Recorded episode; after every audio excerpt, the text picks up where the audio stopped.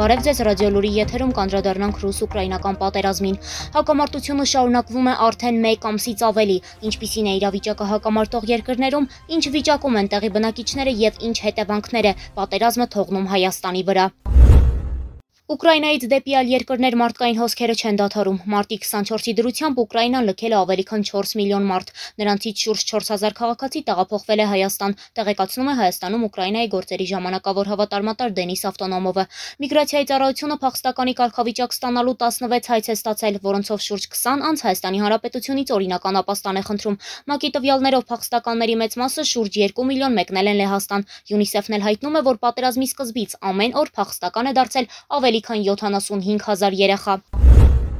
Ուկրաինայում ապրող հայերի թիվը հասնում էր ավելի քան 400 հազարի։ Որքան հայ է հիմա մնացել Ուկրաինայում եւ ինչպես է հիմա նրանց դրությունը, փորձել են տեղեկանալ Լիլիթն ու Լուսինեն։ Այո, Անահիտ, ըստ մեր ճշտած վերջին տվյալների Ուկրաինայում ապրող հայերի թիվը հասնում է 400 հազարի, նրանց գրեթե կեսը Հայաստանի քաղաքացի է։ Դեսպանությունը շուրջօրյա կապի մեջ է Հայաստանի Հանրապետության քաղաքացիների հետ, տրամադրում է խորհրդատվական օգնություն Ուկրաինայից Հայաստան մեկնելու ուղիների եւ հնարավորությունների վերաբերյալ, ձևակերպում անհրաժեշտ փաստաթղթեր։ Դեռ մարտի 2-ից հայերի մի մասը տարհանվել է Կիևից, մյուս մասն էլ դեռ քաղաքում է։ Կիևի հայկական համայնքի ղեկավար Նորիկ Գևորքյանը չի կարող ասել, թե արդեն քանի ընտանիք է դուրս եկել Կիևից, քանի որ շատերը հեռանում են երկրից սեփական միջոցներով առանց հյուպատոսական հաշվառում անցնելու, որը կամավոր գործընթաց է։ Հետքի փոխանցմամբ Ուկրաինայի հայերի միության փոխնախագահ Դավիթ Մկրտչյանի խոսքով պատերազմի սկզբից շարունակում են օգնել իրենց դիմող հայերին տարբեր հարցերով սննդից մինչև տեղափոխում։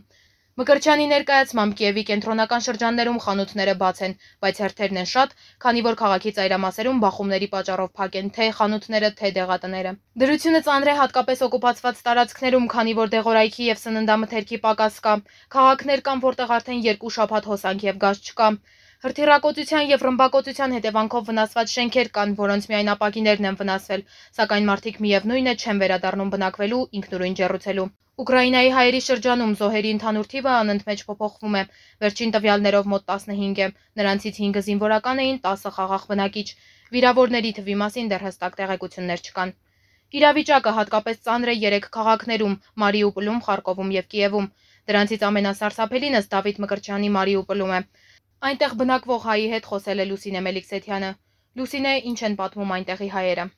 Ինչպես նշվեց, ամենաթեժ կետը շարունակում է մնալ Մարիուպոլը, որի ապաստարաններում թաքնվում են նաև մեր հայրենակիցները։ Նրանցից մեկն արդեն 1 ամիս է ապաստարանում է բնակվում։ Նա վերջին անգամ հարազատներին է զանգել 8 օր առաջ, եւ քանի որ իր հետ կապ հաստատելն անհնարին է, ես զրուցել եմ քրոջ՝ Տիկին Անահիտի հետ։ Ամսի 22-ին ինքը զանգել է, բայց մի պահ ուղակի ինքը իր թաքստոցից կարողացել է դուրս գա։ Ահա բարձրացել է ինչ որ մոտակայքում գտնվող 9 հարկանի ինչ որ հիվանդանոցի տանիքը այդ տանիքի վրա մի պահ իրենց ուկրաինական կապն աշխատել ոչ թե ընդհանուր կապը այդ կոչվում է ձախ ափ, որտեղ որ բնակվում իմ եղբայրս։ Այդ ձախ ափից ոչ մի տեղեկություն ոչ մեկ չի կարողանում ունենալ, քանի որ նա գտնվում է նա պաշարված է ռուսական զորքի կողմից արդեն եւ ոչ մի կապ չի կարողանում լինել այնտեղ մարդկանց հետ, որպեսզի կարողանան գնալ դե Ուկրաինայի, չէ, հայ համայնքը, Ուկրաինայի հայ համայնքը պիտի գնա օգնի, նրանց ներս չեն թողնում այնտեղ այդ դախ ափը այդ մայրուպլ քաղաքի ձախ ափը լրիվ կտրված է փաստորեն քաղաքից այնտեղ կամուրջը պայթացված է եւ քաղաքը բաժանված է փաստորեն երկու ափերի էլի այդպես հասկացա հենց իրենք չեն կարող ինչ որ բան ընդհանրապես ձեռնարկել որ այնտեղից դուրս գան Դե Բալջան, ընդդեմ նույնիսկ այն վիճակն է, որ ամեն րոպե, եթե ինքը նույնիսկ այդ որ այդ տանիքն էր բարձրացել, ասել 1 րոպեից ավելի ես չեմ կարող խոսել, որովհետև շատ վտանգավոր է ամեն կողմից դիպուկահարներ են ու կարան ինձ կրակեն։ Արտակարգ իրավիճակների այդ ընկերությունը, որը որ զբաղվում է, նրանց ենք մենք իր հասկանունը տվել, ցուցակներն ենք կարմիր խաչին տվել, ոչ մի լուր դեռ չունենք։ Եթե ինքը մեզ չարձագանքեր ամսի 20-ին, ուրիշ ոչ մի տեղից մենք արձագանք իրենից չենք ստացել։ Չնայած մի շարք սահմանակից քաղաքներում կրակոցներ չկան, բայց դրանց ձայները ոչ պակաս հոգեբանական ճնշման են ենթարկում բնակիչներին։ Խարթիսկում բնակվող Վեներան ինձ հետ զրույցի ընթացքում պատմում է իրենց մոտ տիրող իրավիճակի մասին։ որ ասեմ հեշտ իրավիճակա, խաղ իրավիճակա չէ։ Անընդհատ լսվում են գրակոչներ, անընդհատ առավոտներ ուժեղ դաժանեցել, որ ոնց որ դռները, լուսամուտները ոնց որ սենց դղրդացի։ Դա հոգեպես մեկը դժվար է։ Դու անընդհատ ոնց որ զգում ես, որ էսա պիտի գրակին, էսա ինչ որ բան պիտի լսես։ Այդուհանդերձ շատերը շարունակում են մնալ այնտեղ։ Հիմնականում ուր են գնում, որտեղ են ապաստանում եւ որ երկրներն են նախընտրում կներկայացնի Լիլիթը։ Ուկրաինայի սահմանը հատած հայ ընտանիքներ կան Հունգարիայում, Սլովակիայում, Ռումինիայում, Մոլդովայում եւ Լեհաստանում, եւ կան ընտանիքներ, որոնք արդեն ունեն տոմսեր այլ երկրներով Երևան գալու։ Նրանք գտնվում են հայկական համայնքների հոգացության ներքո, նրանց դիմավորել են, կացարան են տրամադրել, սննդի խնդիր են լուծել, մի մասը սեփական գումարով է այդ տոմսը ձեռք բերել։ Պատերազմող Ուկրաինայից հարևան երկրներ տեղափոխված հայաստանի քաղաքացիները այդ երկրներում կարող են մնալ երկու շաբաթ միայն, հետո պետք է վերադառնան Հայաստան։ Հայերից բացի Հայաստան գալու ցանկություն են հայտնել Ուկրաինայի քաղաքացի ազգությամբ հայեր, ինչպես նաև ուկրաինացիներ։ Իսկ թե մինչև հիմա քանի հայ ընտանիք է հայրենիք վերադարձել, Հայաստանի արտգործնախարարությունը չի հաղորդում։ Ներկայացրած իրավիճակը ինչ ազդեցություն կթողնի Հայաստանի վրա, տվյալներ կփոխանցի Օֆելիա Հարությունյանը։ Անահիտ վտանգները ոչ միայն տնտեսության վրա են ազդեցություն ունեցել, այլ նաև սպասարկման ոլորտի եւ այլ ճյուղերի, ամեն ինչ փաստերով։ Ըստ էկոնոմիկայի նախարար Վահան Քերոփյանի Հայաստանը Ռուսաստանի Դաշնություն արտահանում է հիմնականում սննդամթերք, իսկ առաջնային ապրանքների պահանջարկը կբարձրանա։ Կենտրոնական բանկն էլ հավաքագրել է նորություններ, ըստ որոնց SWIFT տեղեկատվության փոխանակման միջազգային համակարգի անջատումը տարածվում է Ռուսաստանի Դաշնության հիմնականում բանկերի վրա, որի պատճառով Հայաստանում բանկային գործարքներից շատերը չեղյալ են համարվել։ Ռուսաստանի Դաշնություն արտահանման վրա ռուբլու փոխարժեքի ազդեցությունը բացասական է լինելու Հայաստանի Հանրապետություն արտադրված ապրանքների ու ծառայությունների նկատմամբ արտաքին պահանջարկը կկրճատվի։ Ապրանքների ֆիզիկական շարժը այս պահին դժվարացած է Սև ծովի ջրային տարածքով, հատկապես Ուկրաինայի հետ առևտրի մասով։ Հակառուսական պատժամիջոցները մեծ ազդեցություն կունենան Հայաստանի թույլ տնտեսության վրա։ Պատճառը Ռուսաստանի Հայաստանի ամենամեծ առևտրային գործընկեր լինելն է։ Տնտեսագետ Արմեն Քթոյանը նշել է, որ Ռուսաստանից Հայաստան մեծ մեծածավալ դրամական հոսքեր կան, ինչը նշանակում է, որ Հայաստանում տեղի կունենա բնակչության գնողունակության որոշակի նվազում։ Ինչպես գիտենք, Ռուսաստանը եւ Ուկրաինան աշխարհում խոշորագույն ցորեն արտահանող երկրներից են։ Հետևաբար պատերազմի հետևանքով նրանց արտադրության ծավալների կտրուկ նվազումը կարող է հանգեցնել ցորենի դեֆիցիտի համաշխարհային շուկայում, այդ թվում նաեւ Հայաստանում։ Պետք է պատրաստ լինել, որ համաշխարհային շուկայի իրավիճակով պայմանավորված հայ սպառողները պարտադրված են լինելու ավելի թանկ վճարել ռուսական ցորենի համար։ Ամեն դեպքում ըստ փաստերի ռուս-ուկրաինական պատերազմը ազդում է Հայաստանի տնտեսության, սպասարկման ոլորտի եւ այլ ճյուղերի վրա։ Անահիտ այսքանն էին իմ ուսումնասիրությունները։ Ճյուղերից մեկը անշարժ գույքի շուկան է։ Վարձակալության տրվող բնակարանները կտրուկ գնաճ են գրանցել, տան բնակիչները բողոքում են։ Սրա վերաբերյալ իմ գործընկերներն Անուշն ու Մանուշակը ուսումնասիրել են շուկան եւ ձեզ կներկայացնեն հետաքրքիր փաստեր։ Այո, երևանցիները դժգոհում են։ Բնակարանների սեփականատերերը հանում են իրենց տներից, որպիսի թանկ գնով տան ռուսներին։ Ժուրնալիստ Էմին հաջողվել է զրուցել քաղաքացիների հետ, ովքեր բախվել են այս խնդրին։ Տանտիրոջ հետ արդեն պայմանավորվել էինք, որ պետք է գնայինք տունը տեսնեինք, սակայն նա վերջի պահին զանգեց եւ ասեց, որ տունը տալիս է ռուսներին։ Ես ենթադրում եմ, որ նա ավելի բարձր գնով տունը տալիս է ռուսներին ու հիմա էլ անդադ նայում եմ հայտարարությունները ու գրեթե բոլոր հայտարարությունները ռուսերեն լեզվով են գծած։ Մենք զրուցեցինք նաև Silver-ի անշարժ գույքի գործակալության հիմնադիր տնօրեն Անդրանիկ Հարությունովի հետ, ով պարզաբանեց բնակարանների գնաճի պատճառները։ Բարձրանալը իրականում մի 20-30% է բարձրացել։ Ուղղակի մարդիկ կան, ովքեր պրոֆեսիոնալ չեն մոտենում այս հարցի, ինչ-որ գներ են գնում անիմաստել իբր գնակի երակի, մի քանի հոգու բախտը բերում այս գնով բարձրացանը հանձնում, դրանց ընդհանուր շուկայում տարածվել է որ անշարժման ահագի բարձրացել են։ Ինչն է գրավել Հայաստանում ռուսաստանցիներին եւ ինչով են նրանք այստեղ զբաղվում, ներկայացնում է Մարիամ Ղազարյանը։ 24 числа, да, были просто Ամսի 24-ին շոկի մեջ էինք։ Շատ դժվար էր իշորման գուշակել։ Ինչպես հիմա, հասկանում ենք, որ իզուր չէր, որ հեռացանք։ сейчас. Сейчас мы понимаем, что не зря уехали точно։ Ուկրաինայում մարտական գործողությունների մեկնարկից ի վեր Հայաստանի սահմանը հատել է Ուկրաինայի մոտ 4000 քաղաքացի։ Նրանք գրեթե բոլորն էլ ազգությամբ հայեր են եւ վերջիններիս համար ավելի հեշտ է կեցության վայր գտնելը, քանի որ ունեն այստեղ ընկերներ, ծանոթներ ու հարազատներ։ Моя подруга, с которой всю жизнь Իմ ընկերուհին, ում հետ ամբողջ կյանքս աշխատել եմ ու որ այժմ թոշակի է անցել, նա հայուհի է, բայց չգիտես ինչու չէի կարողանում նրան այցելել։ Սկզբում երեխաներ, հետո էլի ինչ-որ բաներ ու անընդհատ չէր ստացվում նրա հայրենիք գալ։ Պատերազմի սկսվելուց օրեր անց ի վերջո եկա։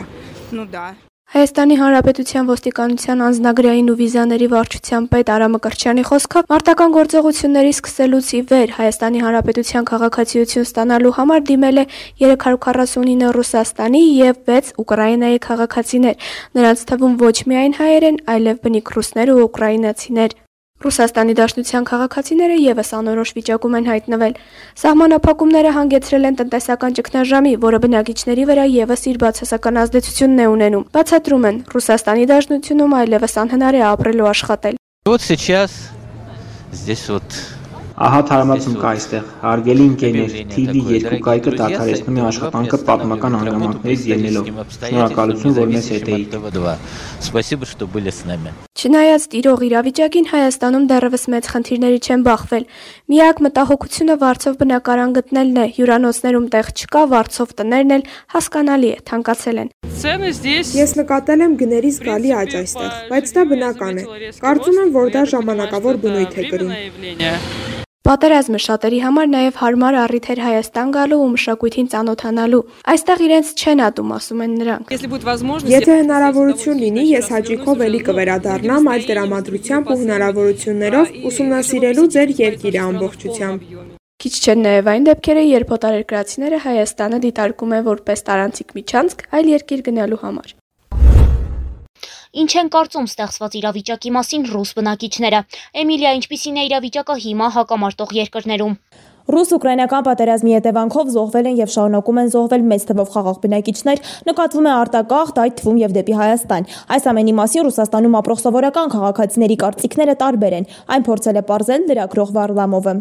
Он где-то и хороший, где-то и он Մի կողմից լավ է, մյուս կողմից դե չգիտեմ։ Դե պատերազմ է, կարծում եմ երկար չի տևի, Պուտինը կդադարեցնի։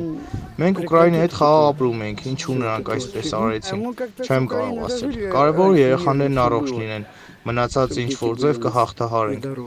Остальное переживем, наверное. Вы сейчас знаете, что происходит на Украине? Да знаю, там война. Знаешь, как сказал бы. Պետք է 14 թվականին սկսել պատերազմը, հիմա ուշացել ենք։ Հիմա ճգնաժամ կլինի, պետք է շուտ սկսելու ավարտել։ Теперь будет кризисы будут.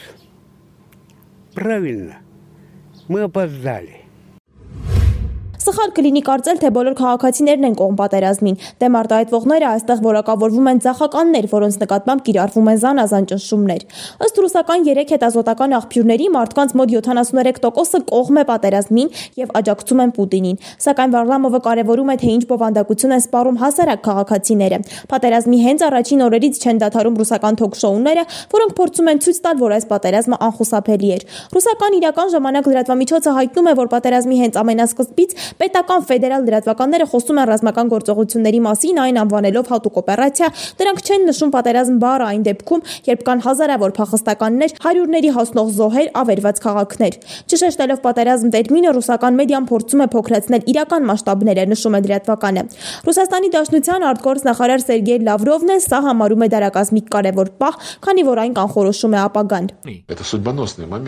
Սա ճակատագրական պահ է, դարակազմիկ պահ ժամանակակից պատմության մեջ, քանի որ այն լայն իմաստով արտացոլում է բախումը, որը կանխորոշելու է ապագա աշխարհակարգի տեսքը։ Պատերազմը սկսվել է Ռուսաստանի կողմից օթային հարձակումով փետրվարի 24-ին, ՄԱԿ-ի տվյալներով Ուկրաինան արդեն լքել է շուրջ 3 միլիոն մարդ, պատերազմը դեռ շարունակվում է։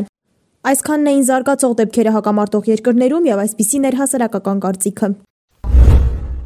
Իսկ արտաքին աշխարհը դեռ շարունակում է պատժամիջոցներ սահմանել Ռուսաստանի նկատմամբ, ինչպես են դրանք կիրառվում, ողրել է Ալյոնա Մուժիկյանը։ Աշխարհը նույնպես անտարբեր չի մնում պատերազմի հանդեպ։ Մի շարք երկրներ պատերազմի առաջին իսկ օրերից կոչ են անում Ռուսաստանին դադարեցնել ռազմական գործողությունները, սակայն ապարդյուն։ ԱՄՆ նախագահ Ջո Բայդենը առաջին իսկ օրերից արգելեց դոլարի արտահանումն ու վերարտադրումն ու վաճառքը Ռուսաստանում։ Ռուս պաշտոնյաների մուտքը Ամերիկա արգելվեց։ Երկրների միջև փակվեցին օդային սահմանները, ինչպես նաև ամերիկյան Boeing ընկերությունը դադարեցրեց ռուսական ավիաընկերություններին պահեստամասերի մատակարարումը եւ տեխնիկական աջակցությունը։ ԱՄՆ-ն, Մեծ Բրիտանիան, Եվրամիության երկրները դադարեցրին ռուսական գազի, նավթի, ածխի ներկրումը։ Ներկայումս Եվրամիությունը իր գազի մոտ 40%-ը ստանում է Ռուսաստանից։ Եվրահանձնաժողովը առաջ է բերել նոր ծրագիր, ըստ որի ընդամենը 1 տարվա ընթացքում Եվրոպայի կախվածությունը ռուսական գազից կնվազի։ Ռուսաստանում արգելափակվել են Twitter-ն ու Facebook-ը, ինչպես նաև Facebook-ը թույլ է տվել Ռուսաստանի նախագահ Վլադիմիր Պուտինի նկատմամբ ատելության խոսք տարածել։ Ռուսաստանում իրենց աշխատանքն են դադարեցրել IKEA կահույքի շվեդական ընկերությունը, Apple-ը, վճարային Visa Mastercard համակարգերը, ինչպես նաև փակվել են մի շարք բանկեր՝ ՎՏԲ-ն, Sovcombank-ը, Ռոսիսը եւ այլն։ Այս արգելքներին պատասխանել է Ռուսաստանի նախագահը։ Վլադիմիր Պուտինը իր պատժամիջոցներն է սահմանել եւ հրապարակել է ոչ բարեկամական երկրների անունները։ Դրանք են Ամերիկան, Մեծ Բրիտանիան, Եվրամիության երկրները, Սինգապուրը, Ճապոնիան, Շվեյցարիան եւ այլն։ Պատժամիջոցների եւ արգելքների մասին այսքանը։ Պատժամիջոցներից անպակաս չի մնացել նաև սպորտը։ Հիմնականում որ սպորտաձևերն են առաջինը տուժել, գիտի Ահարոն Հակոբյանը։ Ֆուտբոլը նույնպես տուժել է ռուս-ուկրաինական պատերազմից։ Առաջնային նշեմ, որ Ռուսաստանի հավաքականը, որը դուրս էր եկել աշխարհի առաջնության անցումային խաղեր եւ պետք է խաղար Լեհաստանի հավաքականի հետ, հաղթելու դեպքում էլ Չեխիա-Շվեդիա զույգի հաղթողի հետ, նրանց դեմ հրաժարվեցին խաղալ այս երեք հավաքականները, իսկ ավելի ուշ FIFA-ն զրկեց Ռուսաստանին մասնակցելու իր հովանուտակ անցկացվող մրցաշարերին։ Ինչ վերաբերում է ռուսական ակումբներին, որոնցից Եվրագավաթներում գարնանային փուլ անցել էր միայն Մոսկվայի Սպարտակը եւ պետք է խաղար գերմանական Լեյպցիգի հետ, նույնպես հեռացվեց մրցաշարից։ Չնայած այս ամենին ռուսական ակումբները շարունակում են իրենց գործունեությունը ներքին առաջնություններում։ Ուկրաինայի հավաքականները, որը նույնպես աշխարհի առաջնության անցումային խաղերին պետք է մասնակցի, խաղերը հետաձգվել են մինչև հունիս ամիս։ Ներքին առաջնությունները անհայ ժամկետներով կանգնեցվել են։ Ներքին առաջնության թիմերի լեգիոներներին թույլ է տրվել խզել գործող պայմանագրերը եւ լքել երկիրը։ Ուկրաինային աջակցող պոստերներ, դրոշներ եւ անկարգումներ կարող եք տեսնել Գերմանիայի, Անգլիայի, Իսպանիայի, Իտալիայի եւ մի շարք այլ երկրների ազգային առաջնությունների ժամանակ։ Քանի որ Լոնդոնի Չելսիի սեփականատերը հանդիսանում է ռուս միլիարդատեր բիզնեսմեն, ինչպես նաև Վլադիմիր Պուտինի մոտ ընկեր Ռոման Աբրամովիչը, նրա դեմ նույնպես բաժամիջոցներ կիրառվեցին, ինչի պատճառով նա չի կարող այլևս գործունեություն ձեռնարկել Մեծ Բրիտանիայում, ստիպված է վաճառել ակումբը, որը գնահատվում է 3 միլիարդ ֆունտ ստերլինգ։ Ռուս-ուկրաինական զարգացումների մասին այսքանը։ Կհանդիպենք։